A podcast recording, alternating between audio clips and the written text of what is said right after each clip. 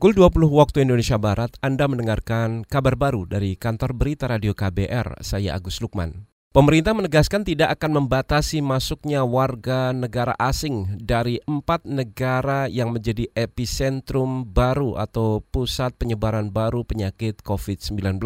Empat negara epicentrum baru itu adalah Jepang, Korea, Italia, dan Iran. Meski begitu, Kepala Kantor Staf Presiden Muldoko mengatakan tetap ada syarat yang harus dipenuhi warga asing jika akan berkunjung ke Indonesia. Satu yang paling pasti adalah ada sertifikat healthy, healthy sertifikat.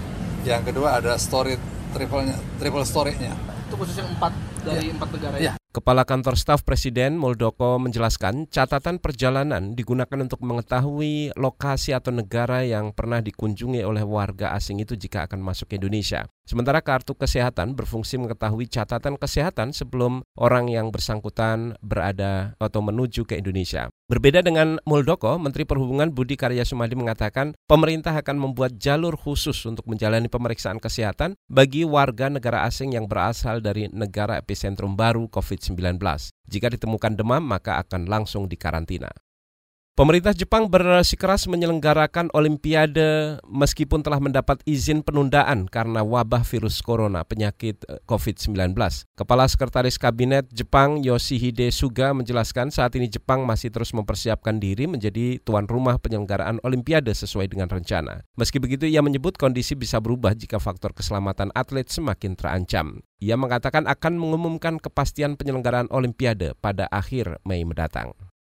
Saudara pemerintah memberikan kemudahan proses impor untuk dalam program stimulus kedua ekonomi yang akan diberikan kepada 500 importir yang bergantung pada Tiongkok. Staf khusus Menteri Keuangan Masita Kristalin mengatakan pemerintah memang belum secara resmi mengumumkan daftar importir itu. Tapi menurutnya importirnya akan menerima manfaat di antaranya adalah importir baja, plastik hingga obat-obatan. Untuk reputasi baik tentu saja importirnya itu semua-semua tepat ya. Karena memang 500 ini adalah memang sudah lama menjadi partner Dirjen Bea Cukai ya. Jadi kategorinya banyak sekali. Jadi kalau saya sarikan mungkin tidak representatif dan juga ini belum tentu terpilih menjadi yang final. Jadi kita tunggu aja. Cuman in general yang dipilih ya itu adalah yang memang dia importir betulan gitu. Maksudnya memang dia misalnya bilang ini untuk raw material, dia memang untuk raw material untuk produksinya dan produksinya digunakan untuk ekspor atau untuk dijual di dalam negeri. Staf khusus Menteri Keuangan Masita Kristalin menyebut terkait impor pemerintah tetap akan fokus pada bahan baku yang stoknya sudah hampir habis. Kebijakan ekonomi stimulus impor ini akan ditetapkan pada pekan depan. Stimulus ini dikeluarkan pemerintah guna menyikapi dampak virus corona terhadap perekonomian dunia dan dalam negeri.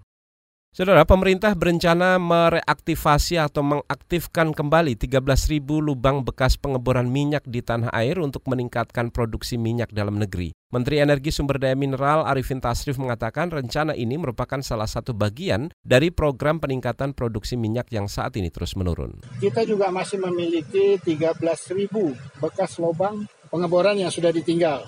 Nah ini juga kalau kita melakukan program reaktivasi kita masih bisa berharap ini juga bisa menghasilkan tambahan produksi minyak ya kulit minyak. Nah itulah tapi 13.000 ini kan jumlahnya banyak, kita perlu memobilisasi banyak tenaga ahli, peralatan dan sebagainya ya untuk bisa bagaimana bisa mengoptimalkan produksinya. Menteri Energi Sumber Daya Mineral Arifin Tasrif mengatakan pada 2006 lalu Indonesia pernah menyentuh angka produksi 1 juta barel per hari untuk produksi minyak. Sementara saat ini rata-rata produksi minyak bumi dalam negeri hanya berkisar 700 hingga 800 ribu barel per hari. Demikian saudara kabar baru dari KBR, saya Agus Lukman.